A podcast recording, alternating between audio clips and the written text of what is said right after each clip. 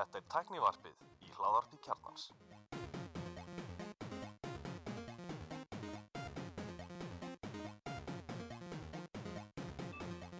Komið sálblössuð, velkomin í Teknoverfið. Ég heiti Gunnar Einir. Og ég er Alli Stefán. Í dag erum við góða gestir. Við erum með Theodor Ragnar Gíslason sem er teknistöru Sindis og einn af stofnundu fyrirtækisins og Kristján Hákonarsson sem er örgistjóri Advania. Og talaðum um örgismál og, og svona, hvað? Netglæpi. Cyber- Netglæpi, nákvæmlega. Netglæpi. Tölum íslensku. Mm -hmm. Hérna, byrjum kannski aðeins á bara byrjuninni Theodor, er alltaf að tala um að hakka, veist, það, það, það, það eru hakkar að gera þetta og hakkar að gera hitt, en Ég tók eftir hérna með málið sem við ætlum að reyða kannski eins eftir e, með hásorku. Það notaði reyndar ekki hakkarar.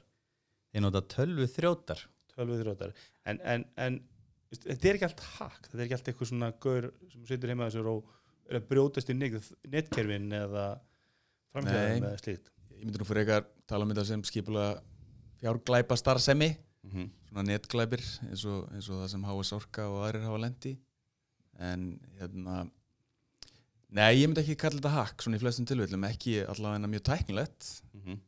Þú veist, þetta er svona af þessum frum einfaldasta toga ef, ef þú tala með einhvern veginn svo mig sem vinn við það að hakka mm.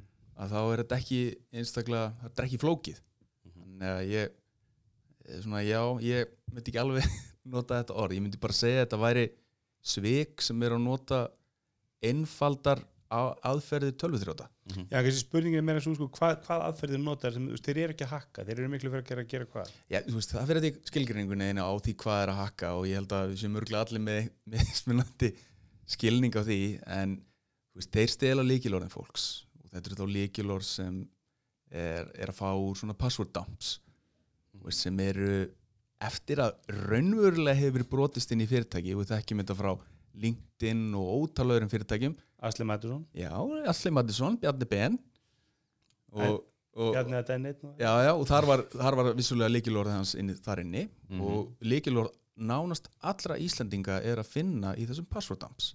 Mhm. Þannig að ef þú notar líkilorðið á mörgum stöðum Já, sama líkilorðið. já, og nú, maður getur líka ímyndað sér það að það sé auðvelt að finna e-mailadressur hjá fólki, hvort sem það sé vinnu eða persónulegar, þannig að þetta er eina aðferð og þetta er ekki flókið. og margir með sama á Já, stöðum. þannig að þetta er einlega og ok, þetta er að haka en þú veist, þetta er ekki, þetta er frumstætt. Þetta er kannski meira að vinna, þú veist, það er eitthvað annað sem hakka það kannski, þú, þú kaupir svo bara Já, þú ert ekki að kaupa, þetta er bara aðgengilegt. Á, á, á svona darknet reyndar er torrentar fyrir þetta.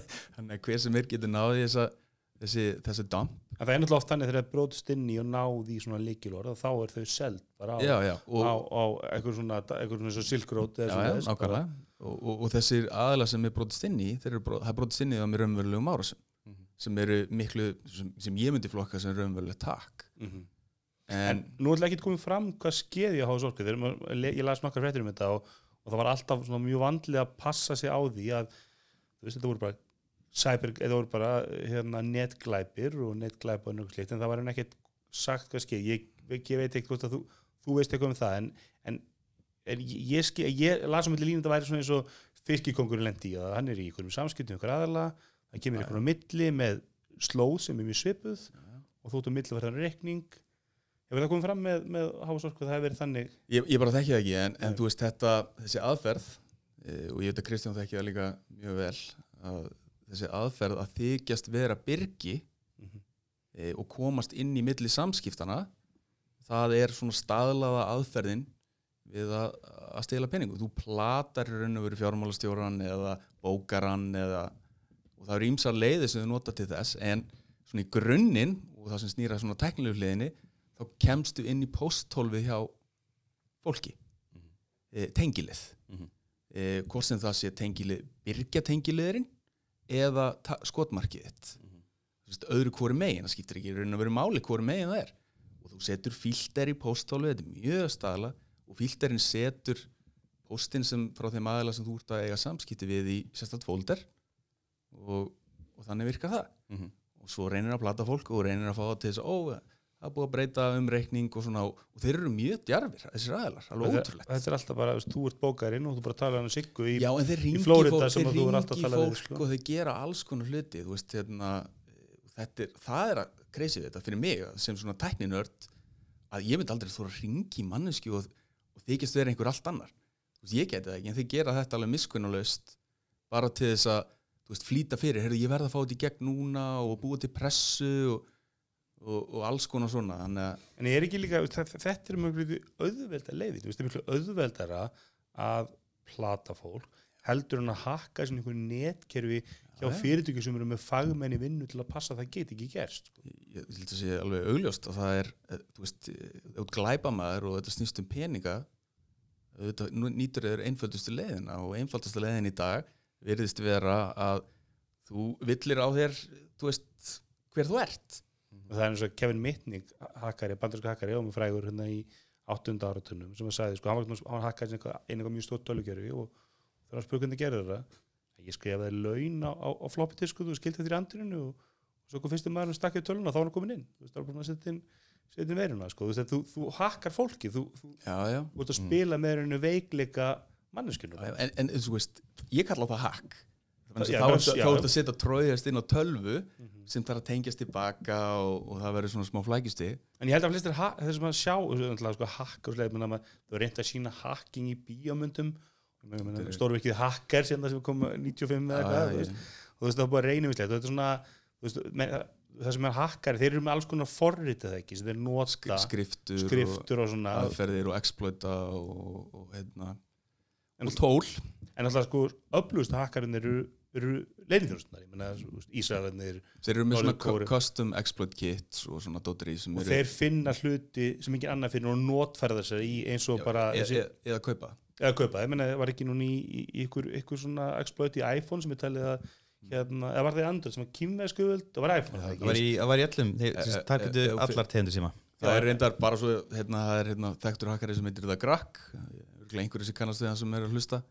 Hann, hann er svona miðlari fyrir svona hluti og hann segir þegar ég spjalla með hann að, hérna, að það sé offrambúð af iPhone exploitu núna og, þa- og það er nýbúið að hækka á fyrirtæki sem heitir Zero sem kaupir exploita þetta er raunmjöluleg takt, veist, þetta er svona skemmtilegi parturinn af hakkara heiminum finnst mér, þú veist, áhugaverður ekkert, en hann er skeri líka.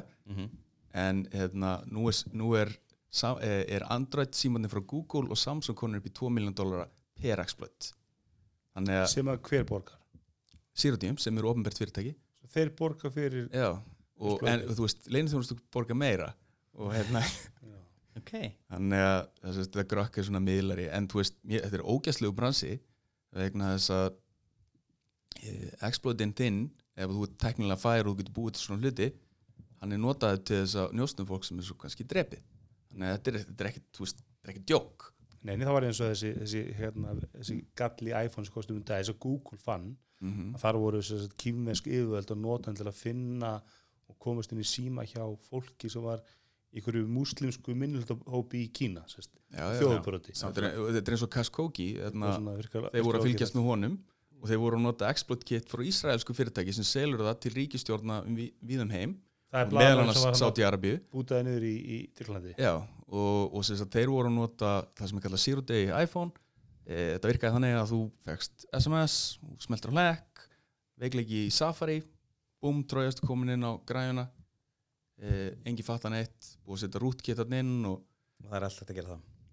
Ég þess að ef þú ert með, með burðina til þess, það er það, er það sem er ofnbert er ekkit endilega það sem er hægt. Mm -hmm. og að það fyrir hvern verkfræðangi Apple sem vinnur við að berjast gegnum sérstu með sko tíu ekki hundra nörda sem eru bara Já. jöflast og bæ, bæði að leika sér já, eða eins og aðalega sem eru bara Já, að vinna við þetta. en ég held samt sko þessi partur af öryggisheiminum hann er svo advanced núna að þú, það, er alls, það er svo ólíklegt að einhver lendi í svona nema þú, af einhverjum pólitískum eða mjög alvarlegum glæpum svona alþjóðara glæpum sé að fara að lendi í einhverju svona. En þess að þetta er svo mikil þú veist, þú ert ekki að fara að eyða kíló á gulli á einhver eitthvað Að hakka gulla? Það haka veðmjölda mílna þegar þeir eru komið styrst Já, þannig að flestar árásir eru allavega það sem er að valda tjóni og er að valda tjóni á Íslandi. Ég, mína, ég sá, sá þarna hvað ég, ég fréttum að það væri tveir miljardar stolnir á þessu ári í gegnum þetta þessa grínárásir Kristján, þú ert svolítið hinn með borðið sko. þú, þú ert hinn með vegginn og ert að passa það að trójuhestarnir komist ekki inn Já, ég, hérna, sko, ég hef nú bara sérstaklega gaman að fylgjast með þessum heimi og hérna, búin að vera að skoða þetta í nokkur ár og, og það, sko, hann kom nú rétt inn á þetta, hann tetti að þegar hann talaði um sko skipulaða netglæpi vegna þess að, að þú ert með eitthvað sem að verðist vera eins og einfalt phishing póstur, þú ert að stoppa einhverja phishing pósta, eins og bakvið eitt svona phishing póst, að þá er þá er, e, sko, þá er eitthvað fyrirtæki sem er búið að skipulega einhver árás. Og ef þú ert að, ef þú ert að ná að taka út sem ein velhefnu árás að skila þér 400 miljónum í tekjum að þá getur við lagt í það tölur að vinnu.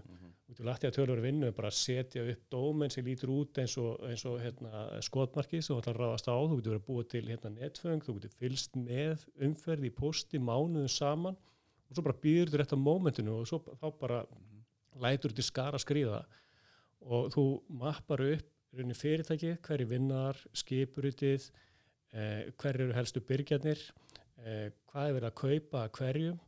Eh, þannig að þegar, þegar eh, sko, hérna, þetta moment kemur, að þá er mjög auðvilt fyrir því að stíga inn í samskiptinu og þú talar bara eins og þá veistu nákvæmlega hvað þú átt að segja við hvern til þess að hérna, ná þínu fram. Og hérna, e, og þetta er svona, má segja, svona heilt svona ekosystem á bakvið þetta, þannig að öðrum megin ertu með, ertu með þetta að sko fá, finna targetið og koma, hérna, koma þér svona inn fyrir dittnar, er svona, hvað maður segja, svona fótinn inn fyrir dittnar og það er náttúrulega ymsum aðfyrum beitt, hérna, hvort sem það feilur í sér eitthvað hakk eða bara að fara á sko social media og, og finna hérna, og skip, skipur þetta á, á vefnum og, og síðan að hérna, getur þú prófa bara að senda einn e-mail?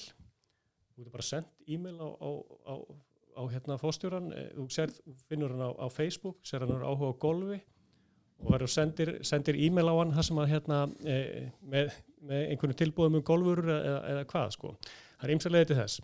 En Það er mennurinn að þess, þegar þú ert að komast inn í út að díla við Sigur í bókaldinu það ert að stúdera þann sem hún er að tala við þú byrjar bara að stúdera hana. Og veist. bara, bara persónlega og stúdera það sem hún er að tala við. Að, og þú getur alveg gefið marga vikur í þetta. Ef þú veist þú ert að fara að innleysa hérna, 10 eða 100 miljóna út úr hérna, svikonum þannig að e, og síðan er það sko, síðan er hin- hinliðin sem er sko eiginlega skemmtilegri. Það er þegar þú ert búin að ná í þessa peninga. Hvernig ætlar að breyta þessu í sko, kass fyrir þig á þessi reykjanlegt þegar millifæslan er gerð, þú veist, alla millifæslur í bankakerfinu, þetta er alltaf millifæslur í bankakerfi það er allar reykjanlegar Mhm. hvernig ætlar að að fá peningin og komast upp með það? Og þar í tengslu við það hérna, þá var frábær frétt á rúf í gær sem að hérna, eh, fór nú svona lágt. En, en hérna, þar var að fjalla um tugi manna sem eru núna grunaður um peningaþætti eh, og peningaþætti sem lýsir þannig að þeir fara á Íslandi, þetta eru allt Íslandingar eh, allt fólk á aldrinu milli 20 og 30 það eru nágrannar alla sem að hérna, Jú, þetta er Euromarket málið þessu. Nei, þetta er ekki það. Þetta er ekki það angrið því? Nei, það, er- voru, hérna, þetta er ekki það. Nú ok, ok, eh, þetta er annar mál. Okay. En þar eru einstaklingar sem fari í bankan eh, reglulega og taka út rétt undir miljón í reyðufjö í evrum eða dólarum og þetta er búið að standa yfir í tvö ár. Fá tíu skallir fyrir fæslu og þeir fá oft er tíu það margar á dag sko, það var ofta dag og og þetta er svona, þetta er svona, eru þetta er svona dæmiger burðadýr í, pening, í peningaþvættis liðinni á svona Sí. málum. sem Money Mules. Á svona sem við kalla money mules. Og, og svo hlið er eiginlega svona skemmtilega þannig að sko, það er þetta með annars vegar sko, fólk sem fær borgað eins og þe- þessir er að fá borgað tíu skall fyrir hverja fæslu en megnið af fólkinu sem er að taka þátt í þessu er að gera veist, það, veit ekki að því að, hérna, og, og til þess að ráða fólki inn í slík, slík verkefni að þá eru, hérna, eru ymsa skemmtilega aðferðir sem eru notaðar og það er til dæmis svona hérna, tækifæri, viðskiptatækifæri á netinu. Og hérna, það sem er að bjóða fólki svona, að taka þátt í direct marketing og, og hérna, koma upp, koma upp fyrirtæki. Og svo færðu, svo færðu hérna, bóðum, eða tilbúðum það að, að þeir verið hjálpa með einhverjum höfustól að það það er bara verið lagt inn hjá einhverju þúsund dólarar eða fimmúst dólarar og, en svo kemur bara einhver komuvilla þannig að þú færð tíu svona meira eh, sagt, herri hérna, fjárhæð eh, hérna, eh, inn á reikningi þér en, en til stóð. Og til þess að leysa það vand, svona vandamál að hérna, þá er, ertu bara beðin um að taka út hérna, eh, þessa auka peninga setja í umsla og, og, og senda á okkur heimilsong Tekt svona svikur líka þá fólk að fá sendar vörur á Amazon já, já, og send áframstandar þetta er svona auðlýst á, þú veist aukavinna í græðið 1000 dólar að viku eða eitthvað sko og fólk bara heldur þetta sé búið legit og er bara að senda áfram sko. Algjörlega, þannig að og þarna er svona, það er talið að meiri hlutina þeir sem er að taka þátt í þessu peningaþætti séu bara fólk sem er sem er bara hérna svona bláitt það getur bara verið ég og þú að- Ginnkift. Ginnkeift Þannig að þú gerir þið 15 skipti í röð þá já, kannski ekki það er Fyrsta kannski skipti var óvart og svo bara las nú áhuga greinum um, um, um nýgjörjusvindlin já, og það er þeirra að vera að breyta svolítið svindlinu síðust árum sko.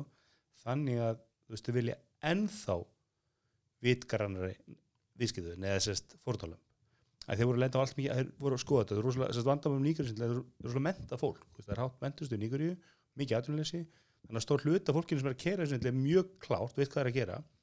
Og þeir sem fór allt og mikil tími í þess að þessu voru sko ekki alveg viss. Fannst þetta svolítið, það var einhverju vinnuna sem þetta gæti verið svindla og svoleiðis þannig að þeir gerðu svindla bara ennþá yktari fiskuðu út þessa erfiðu og fengu allra ginnkeftustu Óla Ragnarana í, í, í, í, svindlið sko. Já, já að að, að hámarka framleiðana sko. Það er frítt að senda út tölvupóstinn Mhm. en svo hún leiðum einhver svarar að þá að fara að setja tíma í það. Mhm. og þú vilt ekki fara að setja tíma í að, að, manpower í það að hérna, vera að svara fólki nefnum vitir að þú fáir það tilbaka þannig að þetta bara, þetta meikar alveg fullkomu sens líka, að- líka gott að taka fram að meðan gjaldrisöflutna voru við líði þá var voðalega lítið af þessu af svona svik af þessum tóa, ef því að fólk gati ekkit millifært Mhm. eða kom peningunum út á auðvöldan hátt sko. Mhm. ég veit að náttúrulega Já, þú ert að taka kass ekki- út að þá náttúrulega er aðeins öðruvísi en Já, menn þú fegst ekki að taka út eurur eða dólar Nei, í hann, eh, bankanum á sína flugsiðil já, já, hann í sjálfu sér er það góð vörn gegn svona en Svona sögur- vörd sem við nokkuð sem talaði um í tæknarpinu og það er íslenska. Já það spila allir sko. en það er, en þegar, þegar, þegar, þegar ég hef bara hert svörunum bankanum það, það er bara mjög reglulega að fólk kemur út upp hér er eitthvað reikningur í nýgeri út millifæri enna og það var bara að taka fólk afskýrs og útskýra bara þetta er svindl getur, getur dóttiðin komið yngan að spjalla eins og ykkur líka, þú veist, útskýra það fyrir þetta er bara, þú átt ekki að vera millir þessar pinninga sko. þannig þeir, þeir eru að spotta þetta þú veist, þeir eru að tjekka ef, ef þetta eru einhverju vafa sem er reikningar eða, eða lönda sem er hættur og svikum sko. þannig að það er gott að maður sé að grípa inn þann líka og þetta er ofta að stoppa eins og ég sé, það var einn nákvæmlega minnslendi og það tekið, fekk eitthvað póstum það að síminn skuldaði einhvern eitthvað greitt og henni varst ekki skrýt, hún var ekki í viðskiptum síma sko, en var standal fínt að fá 47 skallan hún bara gaf um kortunumur sitt upp sko, en svo gætt korta fyrir ekki að stoppa það strax að því að fæslan er ekki verið í gegn og, og það er alltaf eins og segja, það er erfið að koma peningunum út hinum einn sko, og eins og mann gera svo náttúrulega mjög skemmtileg þessi þessi kryptó hérna, hvað kallast það, hijacking það er einhver dulkóðan á tölvunniðinni og þú ert að borga ég svo mjög skemmtileg heimildum þetta á væsum þetta sem er að útskýra sko, þetta er rosalega áhugaveru business og gengur sem getur þjónustu og þau krypto fyrirtæki sem hafa sérst nákvæða best, eða fyrirtæki svindlarandir, leggja miklu metna í þjónustu, þeir eru með þjónustu ver svara mjög hratt svara mér hratt og leggja mikið upp úr orðsporunu að þeir laga tölvuna þarna. Þegar þú er búin að gera viðskiptum þau, að þá færðu þau skjöliðin aftur. Ef þú stendur við þitt, þá standar þeir við sitt og það skemmir mikið fyrir þeim að það vilt að kúrikum í bransan sem viti ekki alveg að gera, að þeir ætla sig kannski að láta það að fá kóðan en fokka þessu eitthvað upp og, og þú hver ekki okkur þín og mennir er, þegar þeir sýnir sér vídeo það sýnir að sko, fólk er ringi þjónustur það er bara svara, við komum daginn og bara þú veist, hérna, hérna, er, hérna er reikningurinn þinn og veist, þú ætlar að taka þetta í, í bitcoin og bara aðstöð mjög almennilegt fólk sem svarar í síman og veit nú líklega samt að það er ekki alveg að vinna hjá Walmart sko en Já, þetta er ekki alveg, eh, sko, ég myndi ekki segja þessi alveg reynsla sem við höfum hérna í Advani allavega af svona hérna rannsóver að, rannsómið er þetta já, að, hérna, eða svona gíslatöku hugbúnaði og sko, það, í fyrsta lagi vil maður ekki borga. Að, þú vilt aldrei borga, þannig að þú vilt ekki, þú vilt ekki verið þeirri stöðu að þurfa að ringi í þetta þjónustver, hvort sem það er til eða ekki.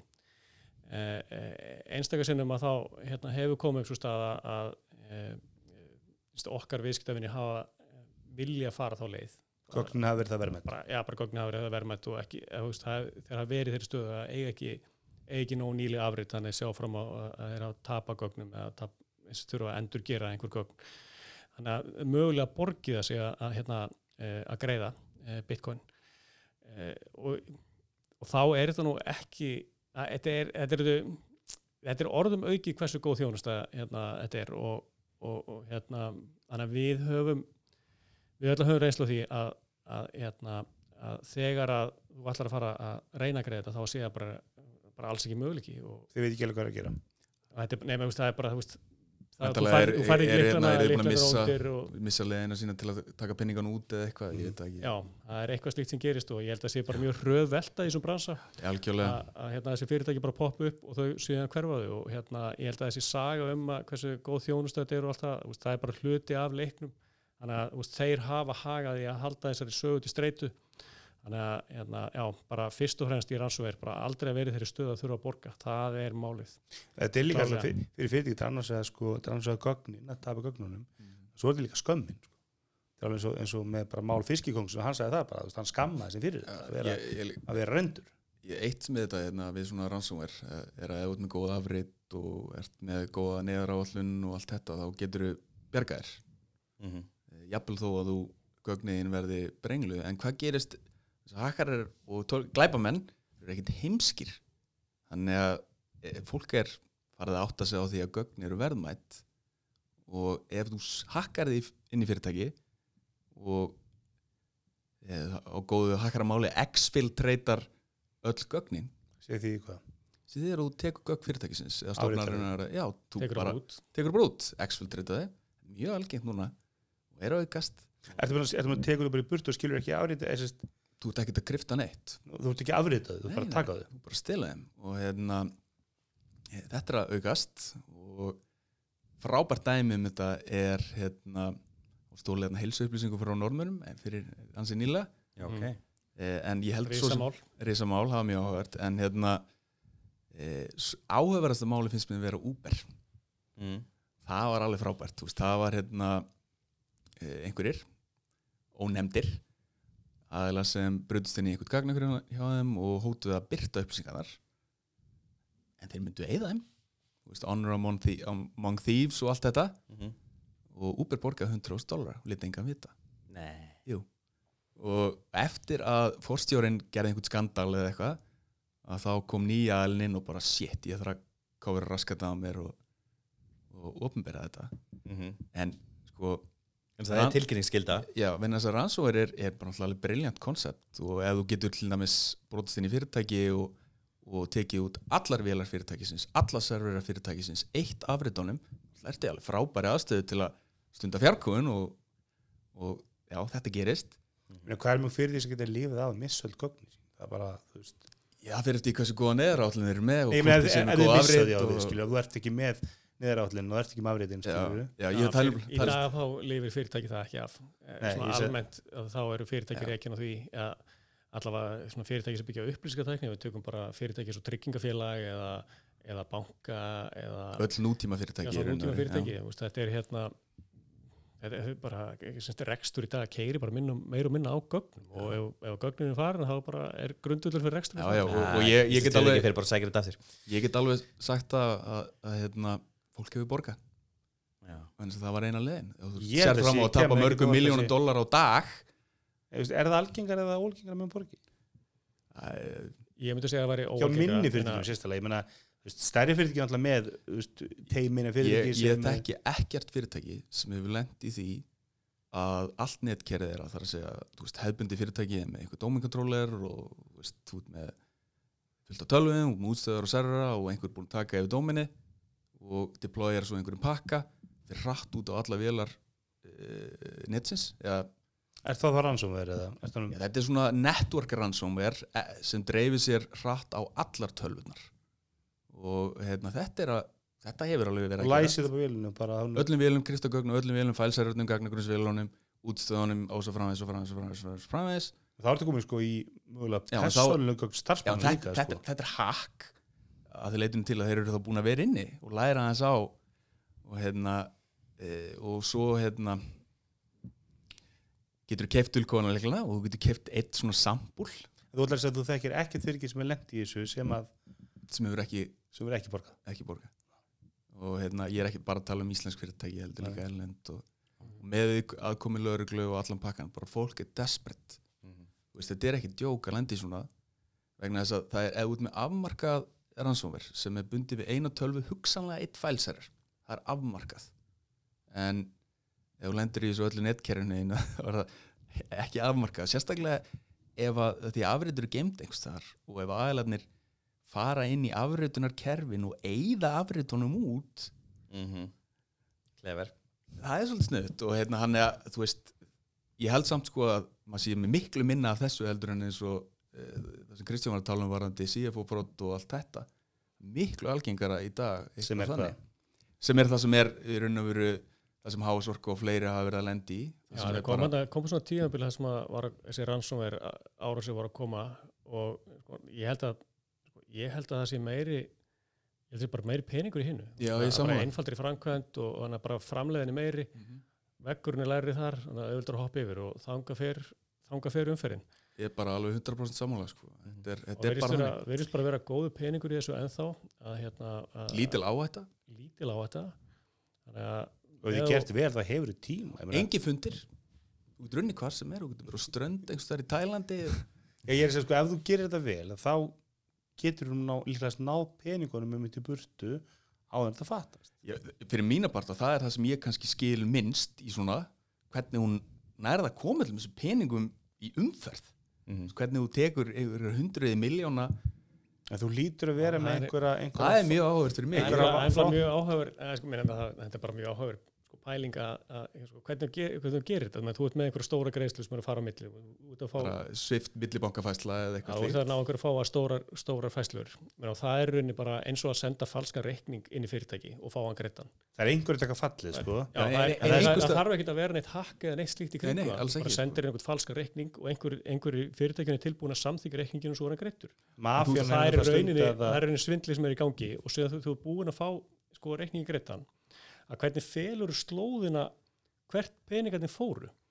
Og, það, og þú vilt náttúrulega enda að það sé ekki hægt að rekja peningarnir til þín. Þannig en að þú tekur, þú tekur þetta og og maður ímynda sér að það stundað að bank, bankar séu samsækir í þessu og þeir séu erlendi bankar þar að segja vegna þess að yfirleitt er þetta rútað í gegnum þú veist, eh, millibanka íslensku bankana sem er eitthvað Deutsche Bank eða eitthvað líka og svo fyrir þetta yfir einhvern banka í Asíu svo fyrir þetta einhvern tinga og þanga Akkurat, þetta er rútað í gegnum bara nógu margar, margar hérna, banka og síðan þessar greiðslur er bara, þetta er brotnar upp og sko, e- þetta endar kannski þessi eina stóra fæsla henni kannski splittað upp í hundrað eða þúsund minni í mörgur löndum þar sem eru svona hérna burðadýr sem eru tilbúin að taka þetta út. Eða þá þetta verður bara hluti af einhverju að, öðnari sagt, svona stórri peningaþættis vél og hérna, menn, það er náttúrulega bara Danske Bank hérna í, Einmitt.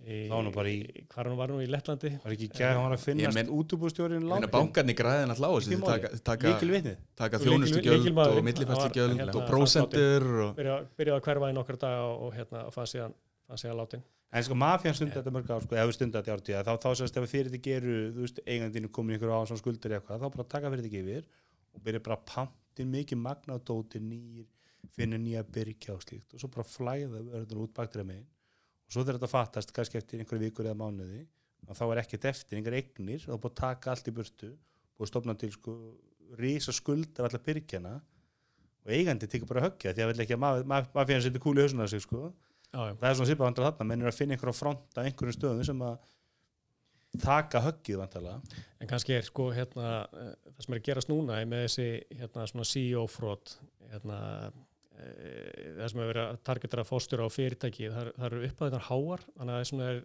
svona mikil, mikil það er þetta mikla aðtegli en, en sko er svona sambarrið svindl er búið í gangi náttúrulega mjög lengi það sem er verið að targetera einstaklinga og Einmitt. með einhverjum hætti.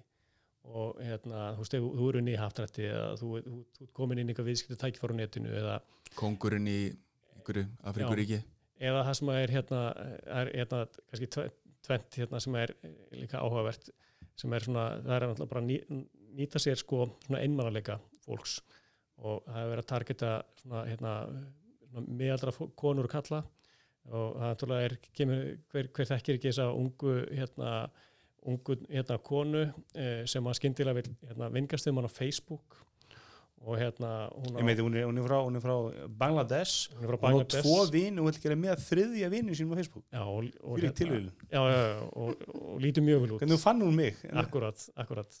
Ég hlýt að vera sérstakur. Já, ég, ég þú ert sérstakur. Ég er sérstak Akkurat. En, sko, hérna, þetta er búið að ganga núna ár eftir ár eftir ár. Og þetta hefði hægt strax, þetta hefði ekki virkað. mm nákvæmlega. Þannig að þetta er að virka og það er fólk að falla í þessa grifju. Kannski að þetta er svo lágum basis þá er þetta auðveldra, þú veist, leifur búin að stila 400 millir frá hás orku þá ertu komið með menna eftir þér sko. Akkurat. En það náði víst að stoppa allar þær villfæslur það var eitthvað, bara smá eitthvað sem fór frá þeim.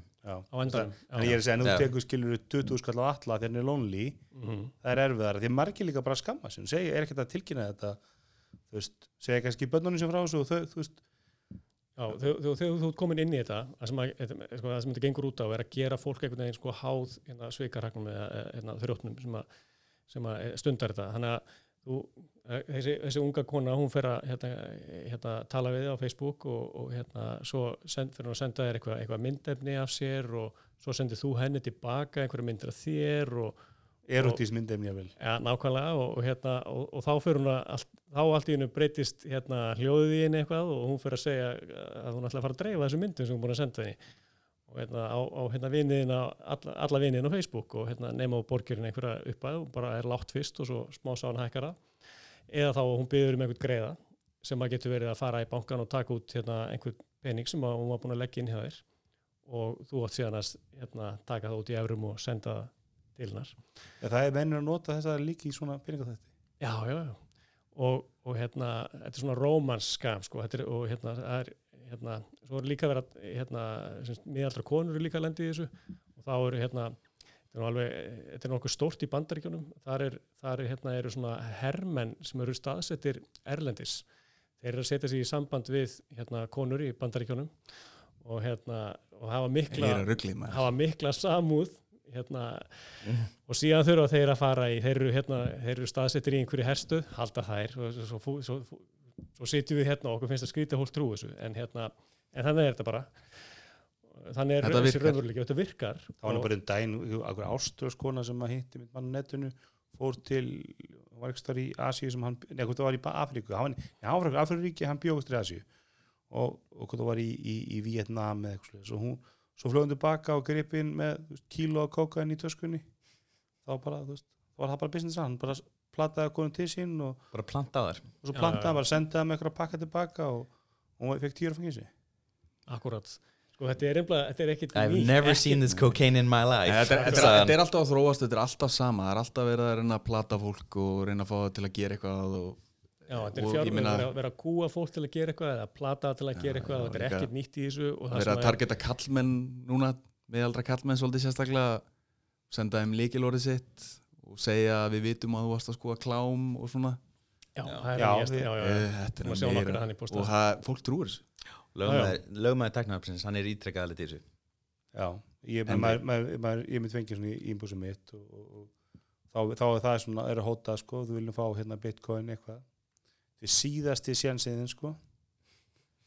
Please, please annars munum við byrta vinna og tókum myndir að þeir og eitthvað svona og þetta er, þetta er allt kjaftaði Mm. auðvitað náttúrulega eru til net svona, ekki tröll heldur þeir sem gerir þetta raunverulega minnfísið gagvart konum aðalega Mhm. það er til, ég stíð þekki alveg slík dæmi hérna, það sem e, einstaklingar hafa já, farið hansi langt. Mhm.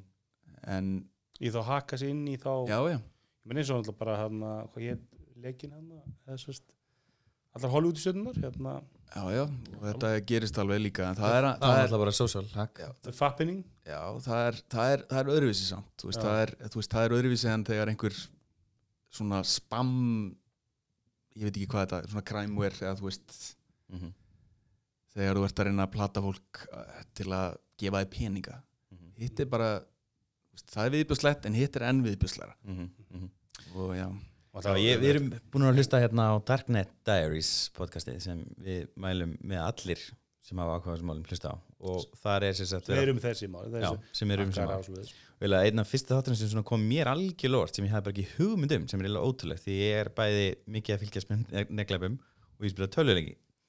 Og það er sérst tölvuleiki hakkaranir sem eru að sérst intercepta pakka milli sérst leiksins sem eru að spila á netinu og svo sérst tölvuna sinnar skoðan, opnan, fykti honum, senda tilbaka og allt í hún eiga er þrjú hús í World of Warcraft eða whatever og eða konur á level svo 60 á einni sekundu virtual currency hacking. Já, Já, já. og og það, það sem þú gerir sen er að þú tekur hann, þú býr til account og hérna, hérna hliður inn á einhverju peningum með einhverju svona hacki og svo selur hann. Já, nákvæmlega, og þá bara byrjuð til alveg peninga úr einhverjum gerfi peningum í, í World of Warcraft. Já, þegar þættunum er viðtalum mann sem að lifði á þessu í já, Manfred, nokkuð mörg ár. Já, sem er frábær tvekja þátta, þáttur. Ég, ég man líka alltaf, ég mun aldrei gleyma því, þegar EVE Online kom út hann 2003 eða 2004, ég man ekki nákvæmlega hvernig það var, þá var ég svolítið húgt á leiknum. Í svolítið tíma. Og mér langaði í Battleship en ég var latur, ég nefndi ekki að mæna, mm -hmm. þannig að ég fór á eBay og kefti, Mm -hmm. man ekki hvað heiti 100 dólarum eða eitthvað.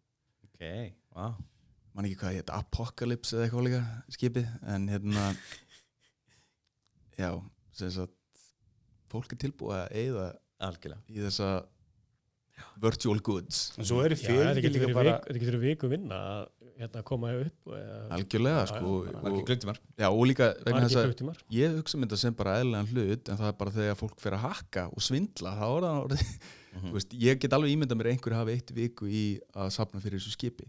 Ég veist það Já, skemmtast í þáttunum þegar er að tala um manni sem vinnur við að brjótast inn í sérst, fysiskt inn í fyrirtæki. Mm -hmm. og hann fyrir til, fyrir til í Ísæli banka og brístóðast inn í vittlösa banka. Þá, þá var hann að fara inn og trikki var sko að fara inn lappin gangin þessum fórstjórum var og hlutis, jafnvel svona kíkin í skristofan hans lappa svo tilbaka og þá treyst honum allar því hann var búin að sjá, þeir sá hann hann að meira vappi og, og búin að tala við manninn og og svo fór hann í banka og gerði allt þetta og var búin að fara inn í einhverja tölvur og krypta þær og þess að ekki að komast inn aðgangin í tölvun og hlutis hann kallar þetta eitthvað rubber ducky þannig að Já. sem sagt svona auðspíleikil sem svona hijackar og þeir bara skri- skrifa bara hello í einhverju textaskila Já.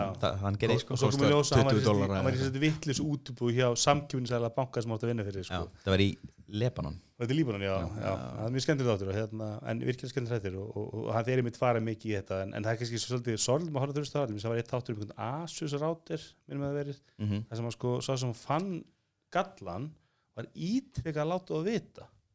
Það gerði ekki og, neitt. og sendum Gerði á Twitter, sendum Já. Nei, rísa og fyrsta svarið var, mannstu hvað það var? Nei. This is a feature of our routers.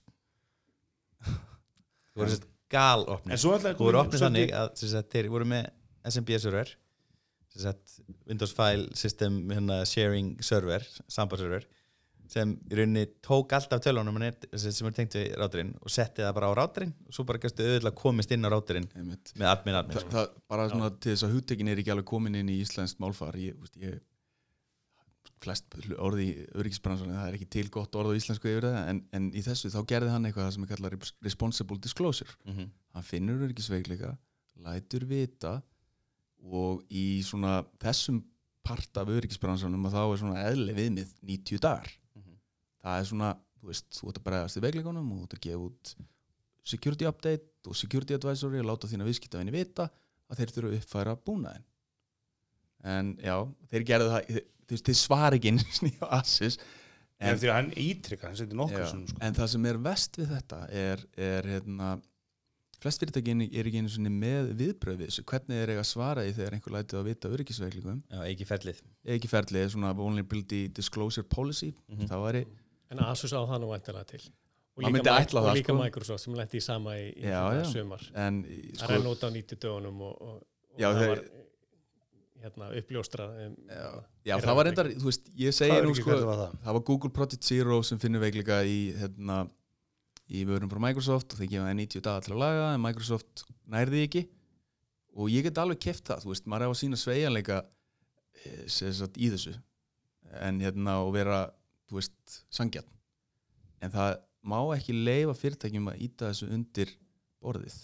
Og eitt svona dæmi um hrikaleg viðbröð við því að þegar láti vita af örgisveiklikum í hugbúna er mentormálið. Mhm. Já, sem samanlega sagt, Það það er gæti ekki hafa verið heimskulegri viðbröð það var sérst einstaklingur sem fór fann einhverja leið, það var eitthvað galli í það mentorkerfinu. Er bara, þú veist, incremental ID basically, þú veist, það er að segja þú veist, engi réttindastjórnin í hugbúnaðinum. Og hann náði myndir af öllum börnunum eða Nei. börnum í kringu sig. Nei, hann náði í, þú veist, ég man ekki hvað það var eitthvað 200 myndir eða eitthvað. Já. en veist, bara til það að prófa, hann bara til, að, til að prófa já, þetta hann skriftaði það. Já. eins og allir tölvunar þetta gera, þú, skriftar það. Mhm. Og þú veist, þú ert ekki að gera það handvirt þú skriftar það. Mhm. og, og þú veist, ó, ég sé að þetta er alvarlegt. Hætti. Keiri skriftið, lætur vita á, á nokkuð ábyrgan hátt. Reyndar ekki sjálfur veist, var, í því tilfellið það var að ég sem leti vita. Og ég kvatti mentor til að taka honum þessum aðila e, með jákvæðu hugafæri að þetta er alvarlegt og þú veist, það, það, eh, þú veist þetta, er, þetta er bara eitthvað sem þú þarf að bregðast við. Og það sem er alvarlegt er gallin ekki, nei, nei, nei, ekki hakkin það, það er nefnilega ekkit alvarlegt í gallan gallin er bara galli. Nei, ég meina þess að þú meina þeir áttu að taka því alvarlega að það er gall í kerfun ekki alvarlega úr að hakka þér bregðast við og laga hann og gera þetta samkvæmt eðlilegum bara vinnubröðum eh, en hérna þegar þú fer í vörn og ræðst á þann sem er að upplýsa um öryggisveikleika þá ertu farin yfir streki Jó, fréttina er- voru náðast þess að hann var í sko að hann væri svona að sapna myndir af börnum í svona, annarlegum tilgangi þetta er líka þegar þú- gerir þetta þegar þú ert hrættur eða þegar þú ert að reyna að færa ábyrðina yfir á einhvern annan í stað þess að axla ábyrð þú veist, ég, dæmis eftir þetta aðvík þá erum við hérna, orðinir mjög harði hjá, Synd- hjá, í Syndis, ef við finnum öryggisveikleika núna nema þegar, þú veist að þá látum við fyrirtæki vita og við segjum 90 dagar. Þá munum við ofnbera það Mhm. en við gerum það ekki á 90 dagum þú veist, við þú veist, sínum sveigjanleika þannig að þú veist, við viljum ekkit að einhverju hakkaðir. svör. Já. Já og, og hérna þú veist, við viljum, ég vil ekki, maður vildi aldrei verða valdur að því að einhver væri hakkaður Mhm. en hérna ég ætla bara að fullir að það að íslensk fyrirtæki að flest, flest íslensk fyrirtæki hafa ekki reglu um meðhandlun á örgisveglum Mhm. og ef hún er að þá er hún mjög rýr hugsuð inn á við út frá svona innri netum ekki gagvart örgisveglingum sem, sem eru ofinberaðar af ytri aðeilum en svo fengur náttúrulega nýja löggjöf í vor, síðasta vor GDPR, Já, sem átti svolítið að menn voru bara þetta var rosalega viðlögur já, já sem sagt, það er nefnilega máli þess að- veldu ekki, ekki svona hagnaði sko. Ég- ég þarf þarf að tilkynna um öryggisbresti, ég veit ekki svo sem hvað það orð því er, ég er Já. ekki sérfræðingur í því. Þetta er náttúrulega- sko, það er mjög þröng skilgrinning þar á því hvað, hvað umræðir. Öryggi, það, það er bara verið að tala um öryggisbrest við vinslu persónu upplýsinga og, og í, í rauninni er það bara ef að upplýsingar verða eh, hérna, uppljóstraðar eða aðgengilegar óviðkomandi. það myndi, myndi þetta mentormál ekki falla undir GDPR Eh, Það er alltaf góð, spurning sko. Var það ekki líka eitt þetta er- fyrst þar í sponsinu? Þegar ég sést slögtu á þessum myndafítus í mentorkerfinu Jú, jú. En þess að það voru búin að sko, loka sko. ég LA Times lokuð bara á öll önnu löndin bandarækina á LA Times til að leysa Já, ég sko, ég, ég hugsa þetta þannig vegna þess að þú veist, maður þarf að geta meðalhósi svona líka.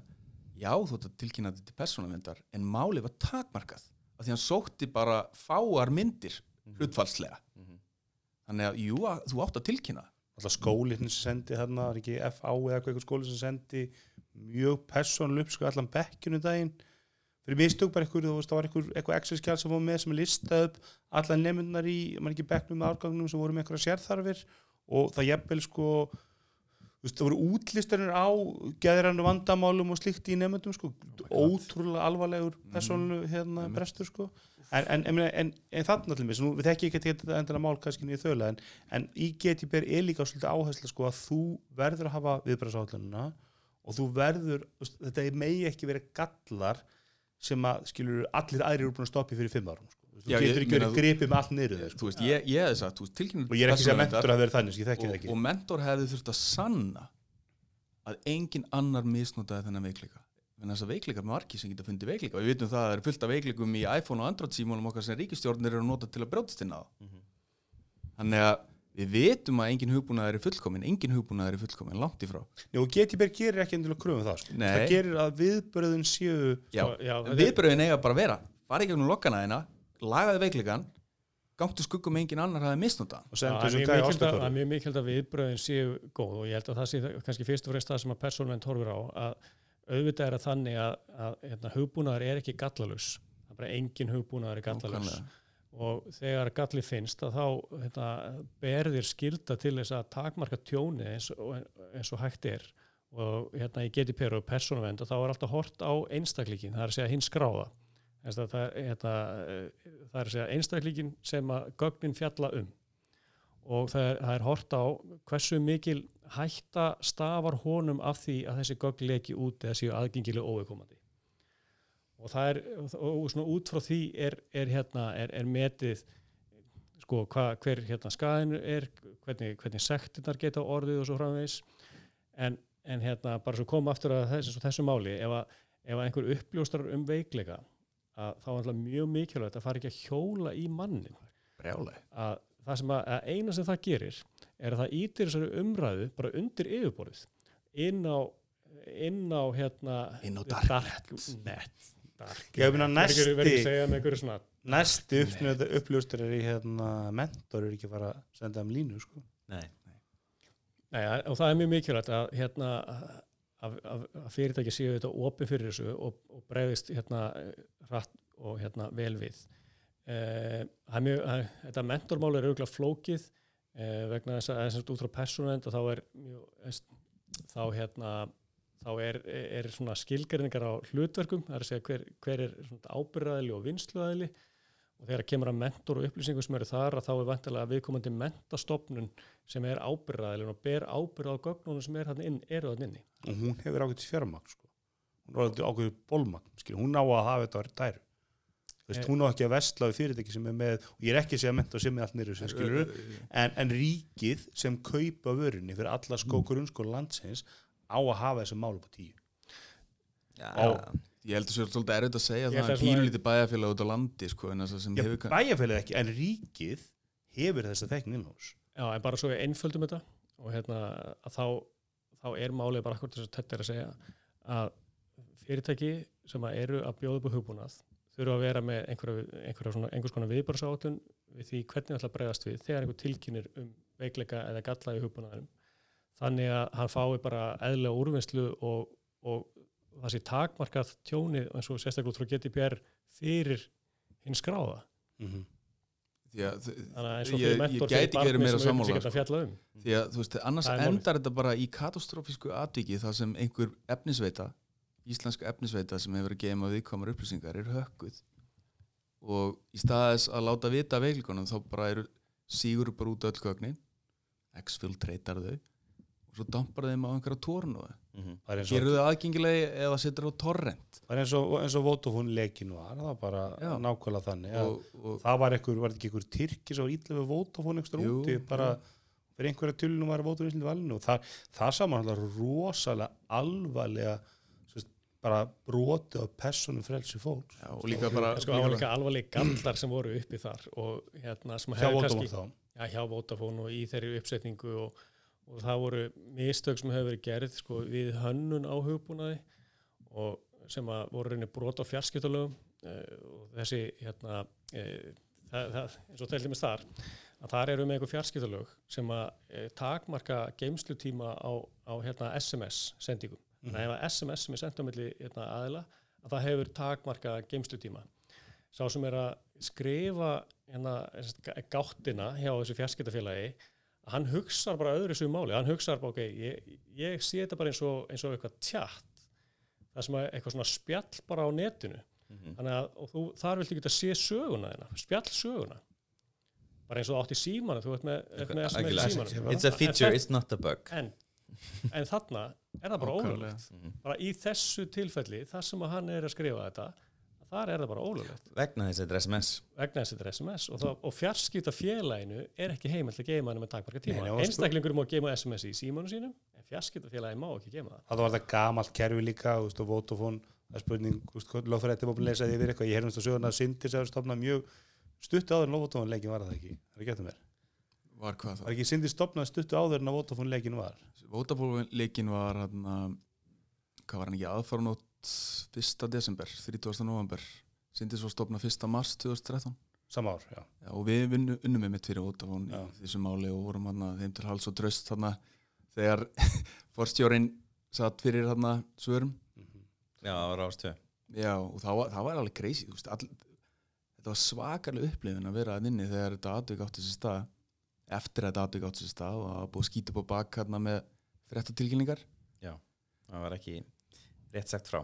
Já, en það er líka bara því að þú veist, PR-lið bara ekki, kann ekki raskat á En- tölvur menn vonuðu svo að þetta væri takmarkaðar menn vonuðu svo að menn það, er, það er hættulegt þegar þú sendur maður sá- fréttatilkynningar já, já.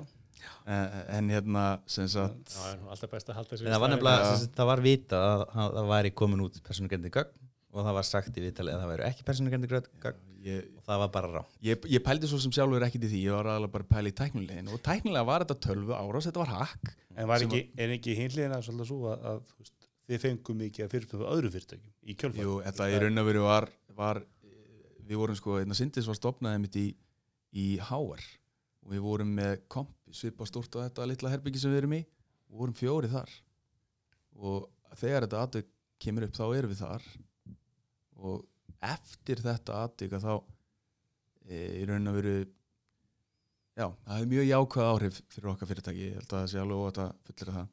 Veist líka svolítið svona smekklegt af markaðan, maður sá samkjömsæðal og Vodafone vissu alveg að þeir þurftu alveg að kíkja í sín kerfi og menn voru einhvern veginn ekki að sparka í líka bara, mann, sko. þú veist, það er svo handahofskent hvernig þú verður veist, nafnið Vodafone er það sem gerir það að verkum að þú verður fórnalamb og ég held að flest svona tæknimenta fólk áttar sig á því að hugbúnaður er ekki fullkomin Mm -hmm.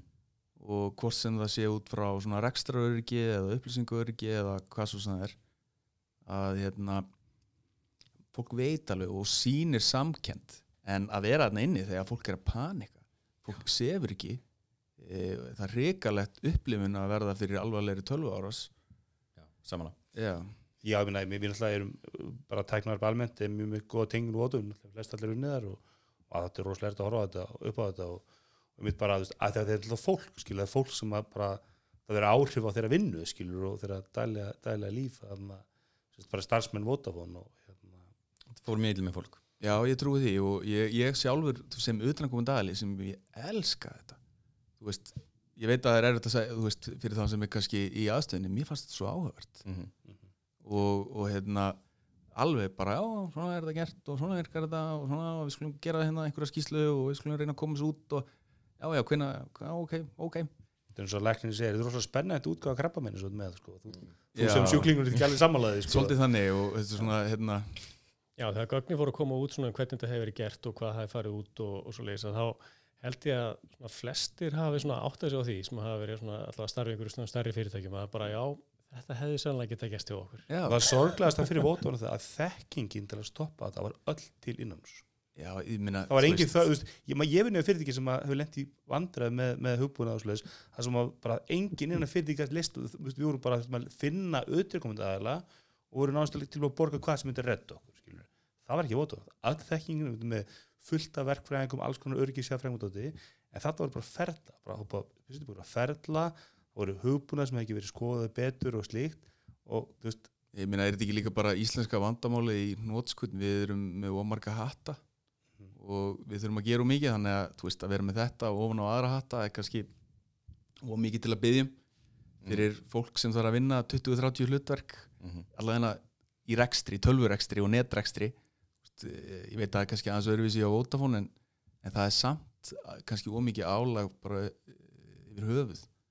Á fólk til að ætlast til þess að þau geti verið að fylgjast með þessu og gera þetta e, fullkomlega Nei, en ég, ég, en ég gerir á fyrir að menn hafi tekið þetta virkilega alvarlegum tökum hjá Vodafone í dag. Já, já, ég, ég held að hérna, það sé óvægt að fullera það og, og hérna, En þeir eru alltaf hefnir, hefnir þetta sé svo sagt, fyrir GDPR því að sko það voru mjög alvarlegir lekar sem það fólk fór alltaf að leita í réttið sín svo fengi einhverja bætur en, en það voru alltaf mjög takmarkaðar með við skadan. Ég, ég sko hérna ef að einhver alveglegur leki á sér stað í gegnum kannski 12 ára eða bara innherja eða, eða einhvers konar phishing eða social engineering eða hvað svo sem það er að það verður, verður áhæfvert að sjá hvað gerist í kjölfarið á því. Það sem er líka áhugavert í dag er hérna, þegar maður horfir hérna á Facebook og allir er að tala um big data að bara eftir því sem þú ert með meira gögnum þeim mun stærri getur skaðin orðið Þa, það er bara þannig. Já, og hérna, það er nú gaman að hlusta á hann hérna, Bergur Eppi hefur svolítið verið að tala um þetta hérna, undanfærin ára svona, þessi, þessi nýja óg eh, hún á sér enga, byrtingamind og við erum svo erfitt með að hugsa um hana. Að, hvað, hvers, hversu hættulegt þetta er. Og við erum kannski, við erum alltaf búin að vera að tala um hérna, þetta er hættulegt fyrir einstaklingin og hérna getur hatt skada fyrir hann, hættulegt fyrir fyrirtæki tjónum þar, en svo er þetta heilu þjóðunar og og bara, úst, hérna, það eru hérna, við erum að tala um sko Brexit og það hafi lent á rángan veg hérna, og það er einhver haft áhrif á það og, og sögum hérna, með kostingarnir í bandaríkjónum en, en sko við hefum bara eftir að sjá sko, hvað, hvað, hvað kemur út úr þessu þegar, já. þetta big data er farið að, farið að hakka það og manipulera það að þá er þetta að hérna, hafa áhrif á heilu hérna, samfélögin einmitt Já. ég, spennandi fram Það eru spennandi tíma, mér svo fyndi sko en ég er oft spurður um svona samfélagsmiðla árásir og ég er alveg, já, ég skal- get alveg tjá mig um það, ég veit ekki um þetta. Af því að þetta er svolítið öðruvísi, þetta er ekki tölvuhakk í þeim skilningi. Þetta er oft blanda saman við það. Já, þetta er meira svona sálfræðileg misnótkun á, á fólki í gegnum nútíma miðla. Mhm. En það er rauninni, í, í grunni er þetta það að þú, þú ert að sapna saman óheirilega miklum gögnum á eitt stað og sem eru, þeim er sapnað einhverjum ákveðnum tilgangi svo kemst einhver í þau sem er með einhvern annan tilgang í huga. Algjörlega. Sem er með eitthvað hérna, hérna eh, hvað við segja svona, malicious. Mhm. ég hérna, meni, maður lengi sagt að við höfum talað um það hérna í þættinum að þú veist, sko Google, það svo margt að Google veit sem við vitum ekki, sko, þú veist, bara svo þeir, þeir, þeir sjá fyrir Eurovision sigurverðan bara alltaf, þú veist, skeik aldrei. Og þú veist, hvað er þeir að gera við þessu gögn? Þú veist, sem, þeir eru ekki að selja öðrum eða veist, bara svona í trend og öðru skilur, það er svo margt sem þeir geta séð fyrir Og sem að þeir eru bókað að greina en er miklu meira að hugsa bara fyrir fjárfæstingastefnu Google og alls konar svona sluti Já, ég, ég held að engin einn eða einu svona hópur af fólki á Google viti það. Nei, það er svo gaman að hugsa um það þegar maður er að nota Google Maps það er að nota Google Maps. Já, þegar maður er að keira einhverstaðar erlendis og hérna, nota Google Maps til þess að hérna, hérna, loð segja sig að hérna, þá sína hérna, gu- vegurum er gulur og svo eru það rauður það sem er hérna, hérna eitthvað traffic jam. Og það segir eitthvað lengi að komast í gegnum stípluna og það bara að stendst alveg nákvæmlega. Þetta er komið Og hérna líka. Er, maður hugsar, ok, hvernig vita þetta? Jú, þeir vita þetta þannig að allir þeir sem eru að leiðinan í gegn eru með síman sinn og þeir eru bara að trakka það. Mhm. Þeir eru að trakka hvern einasta síma í hverjum einasta Ef bíl þú ert með Android síma þá er Google Maps left allan að heim. Þetta er, Ef þú ert er með Apple Maps þá er hægt að velja núna í nýja iOS stegunirunni hvort, bara hvort svo þú deilir lélegt inn með Google Maps. Hvað segir? Það er svo lélegt með Google Maps. Já, er- það er verið að eða rosa miklu tíma núna í að uppfæra Maps og þetta er eitt, eitt af þessu að þú, þú getur ákveðið, þú veist, ég vil ekki deila neinu. Og ég vil deila, þess, ég vil fá frá öðrum en ekki deila eða ég vil deila og fá frá og þeir setja þetta á upp sem eru innstölu á síman ég tók eftir í uppfærið í, og mjög snuðu sko með var stættur útlöndum. Og ég færði síman, iPadin og síman og koninu sem sett í útlöndum. Eh, ekki með það var að síma neitt að svona, en það það eitthvað að, ekkert fyrir útskeiðist þá, en þá tók ég eftir, þá fór ég að fá þess að pop-up á í mitt Google Maps og, og svona þjóðum sem voru bara þjónustjóð lungu, lungu búin að installa síman en Apple var að spyrja mig, viltu En mér finnst eins og hérna landslægi þessum bransa, upplýsingaöfluninni er algjörlega búið að breytast eftir að Facebook er búið að gera þessi stóru minnstök uh, og áður fyrir var þetta þannig að sagt, fyrirtækin voru að reyna að ná eins miklum upplýsingum og eins breiðum gaggagrunni til þess að geta gert eins mikið með gögn. Nú er þetta þannig að fyrirtæki vilja sagt, bara vera með þau gögn sem þau vilja eins og með Vodafone hérna, Hope SMS featuresin sem lag út.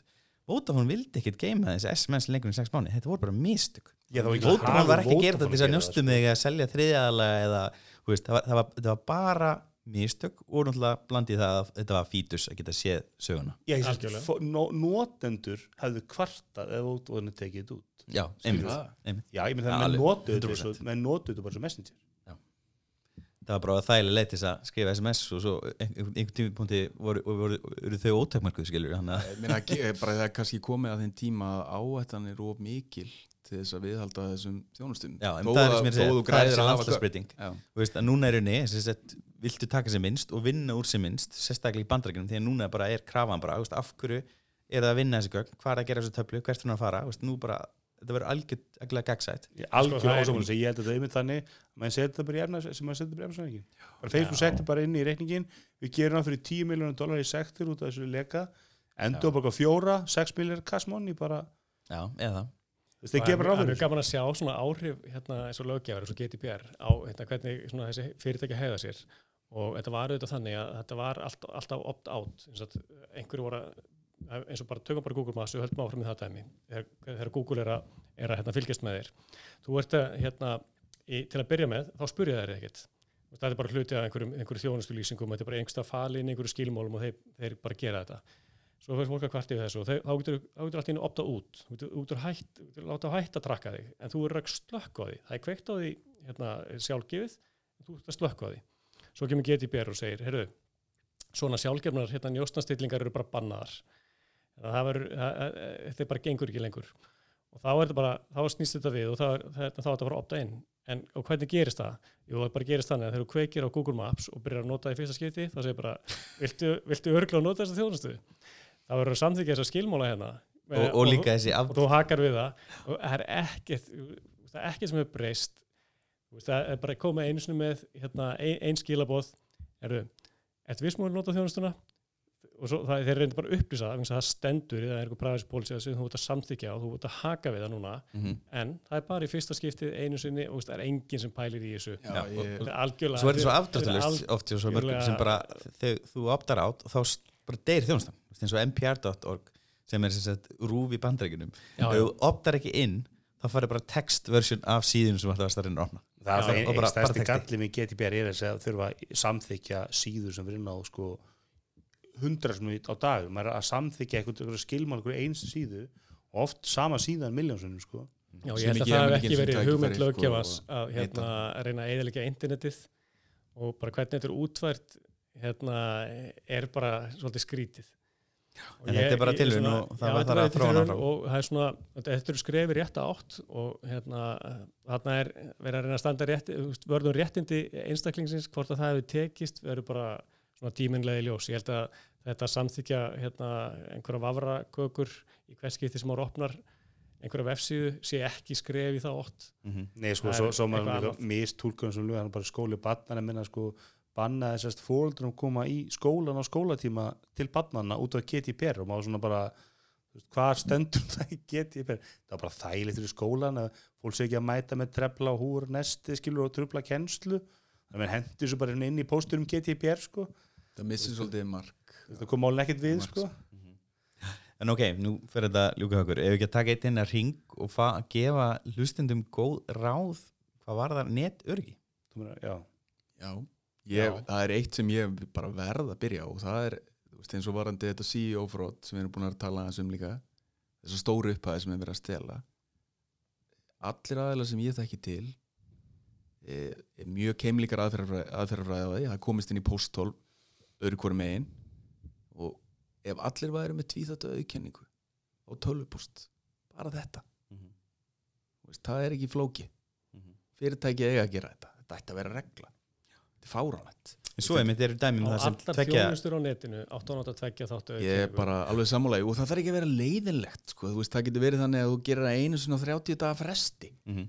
En svo getur þetta, getur þetta líka leitt að því að það sé miklu auðvöldar að taka yfir hérna, það sem þú ert með ef, þetta er í, ef þú tekur síman og þú ert með þá Two-factor- komin út í, út í áhugaverð 12 ára sér já, I Sem mean, er- eða, bara bara einhver samband tekur við- símaðin sko. Já, þess að ég hef bara þetta að skera um það voru svona til að þekktir þú þarf alltaf að kunna líkilor líka. Voru tíð sem eru með nokkur, 000 nokkur svona, nei, þú, þú endur þessir bara. Hérna, e, e, tölum að sumita með síman því að Mm. hérna, e, sko ég vil ekki hérna, fæla fólk frá því að nota tveggja þáttu auðkynningu að því að það er- sé, e, sé hrætt um að einhver komist í síman hjá því. Mhm. Uh, vegna þess að uh, sá sem setur í Níkarju uh, inn á einhverju kaffihúsi hann strönd, ekki standi í þessu. hann er, hann er ekki að fara að koma og taka símaðinn. Mhm. og það er hann sem er að keira svindlin þannig að massin af þessum svindlum er allt er, hérna, er, er keirt frá hérna, einhverstaða frá Belize og, og hérna, frá Níkarju og Úgrænu þetta fólk er ekki að fara að koma og taka símaðinn. Mhm. þannig að þetta er, er engi rök fyrir því að nota ekki bara- tvekja áttu auðkynningu þú veist, en sérst, Nota- ég, ég nota tvekja auðkynning er líka til með hérna eh, sem sagt svona notification og getur verið Google. Authenticator og getur nota Duo og getur nota hvað sem er. Já, já, alls konar ég- leiðir sko, maður á ekki að vera of tæknil, mikil tæknir þarna. Ástæðan fyrir ég minnist á það vegna þess að Já. þetta er svo auðvitað hægt til að stila símum. Þú ert komið með sérst, two-factorinn og símaðin og þú er búin að tengja e-mailið þitt inn í símaðin og einhver tekur símaðin og þú ert með 8888 sem password inn á símaðin þá er það bara búið, skil, það er bara síminn farin Ja, það skiptir engum alveg sem er fænt með iPhone á honum þetta er bara farið. Og flest- það- flest og þú kemst inn í miklu meira en þú vilt skilur en blessunlega eru svona þjóður í Íslandi einhvers reyna að stila iPhone-inu Ja, flest, flest þessi máli sem ég fylgist með sem út og segja, þetta er í þessu þá hafðu þeir að tala um bitcoin sérst, og svona mynd svo þeir ættu bitcoin sko. og þá fara menn bara, hvort syngja eða fara staðin og fá simkvort, bara ég týndi símanum minnum þetta nýtt simkvort á númurum mitt skella þeim fyrir annan síma og þá geta þeir byrja að endur þess allt, bara að fara á Google og hér, er- hér er, þú er með símanúmerið fara SMS-ið endur, og svo byrja bara, man, bara kerfisbundi loka og reikninga og þetta, þetta gerist og hérna Já, En ég, ég samanlega En, sko, það er, það er betra að vera með two-factor authentication líkunur og hakkar eru minni og þótt bara- að þetta getur sko, og Já. ferðlan í fjarskiptafélagunum ég er búin að reyna þetta sjálfur nokkur sem að fá nýtt simkort og fleiri kringum mig það er ekkert staðlað þar ekki neitt. Er ég get farið, ég get fengið, ég get loður á morgun ég get gert þig sambandslösan á innan við hálftíma. Gerða ég væri alveg til í að, að það hérna, væri gaman að prófa það. Þú hefur mitt lefi en ég veit ekki hvort að þú setja mig skoða glæp eða ekki. Hlustendur. að reyna þetta í beinni. Eh, en, en sko hérna við hvetjum ekki til í teknum þetta er endar alveg opaslega góða punktur. Auðvitað er þetta að fara fram þú veist, en eins og Kristján er að segja að þetta eigur kostnað glæpamann Mhm. Það er það sem þetta snýst um. En svo erum við að fara í sim í símana þar sem þú þarft ekki svona að fá eitthvað fysiskt simkort. Þú bara segir, hér er nýja númerið mitt hérna er gamla númerið skilur hér er eitthvað talnaruna. Og, og, og hérna þú lætur síma fyrir ekki svissa að það er ekkert fysiskt simkort á mitt nei, nei, mitt Nei, nei, og svo er þetta náttúrulega líka, aukast. svo er þetta náttúrulega líka inn á simkortunum okkar er svo kallar secure storage þar sem við getum geimt hluti. Mhm.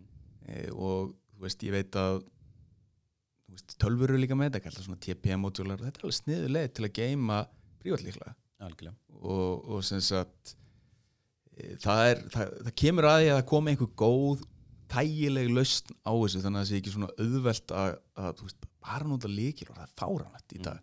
Það er gjössanlega út í hött. Ef þú ert með þjónustu á netinu og ert bara með hérna, notanafn og líkilorð þá ert að gera eitthvað vittlust Bara- Já. algjörlega. Og, og líka bara til dæmis hérna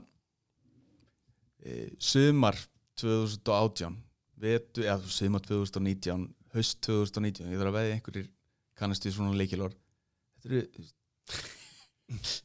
veist, það kæmi ykkur óvart hversu margir velja sér leikilor sem eru giskanleg Mhm. eru mjög, og líka það ef þú getur tengt, ef þú finnur leikilor fólks í lekum að þá getur þú e, svona fossað leikilorðin með veist, þannig að aldrei treyst á leikilorð bara aldrei, aldrei, ég veit við erum að tala um hvað ráð, veist, þetta er alltaf ekki kannski einfald ráð en það er erfitt að gera þetta rétt svo sem, en byrja á þessu að vera með einhvers konar tíðatöðkenningu Guðmengóður ekki Já, treyst á leikilorð frábært, það er frábært ráð. Já, það er tvennt sem ég myndi vilja bæta við þetta. Það er sagt, kannski bara í fyrsta lagi svona einfalt ráð.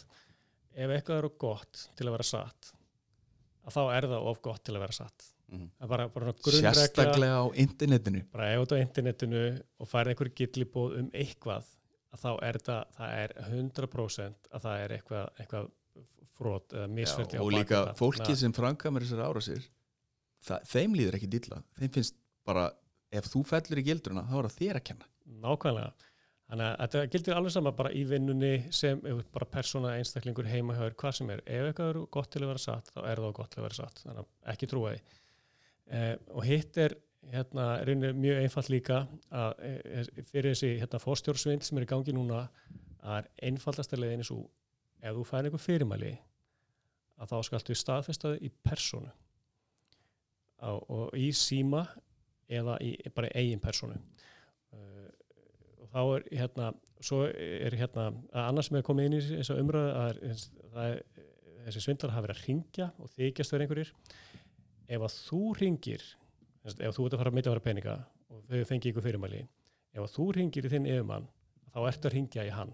Mhm. það er ekki að fara að plata því með það. Það er bara hann sem svarar. Þannig að það er kallað svona svo kallað callback í svona örgis hérna fræðunum. Mhm. þannig að ef þú ringir þá getur treysti að það er réttur aðli sem svarar. Mhm. þannig að þetta tvent það er gott að vera satt það gott að vera satt og svo bara að staðfesta hérna, fyrirmæli í eigin persónu. Mjög góð Þetta er bara fín loka orð hérna bara takk kælur að komast og, og það er virkilega skemmtilega spennum um það og við munum örgulega hófi ykkur aftur til þess að hérna, fara yfir svona sambæli mál með okkur. Takk fyrir, takk fyrir Takk fyrir. Takk fyrir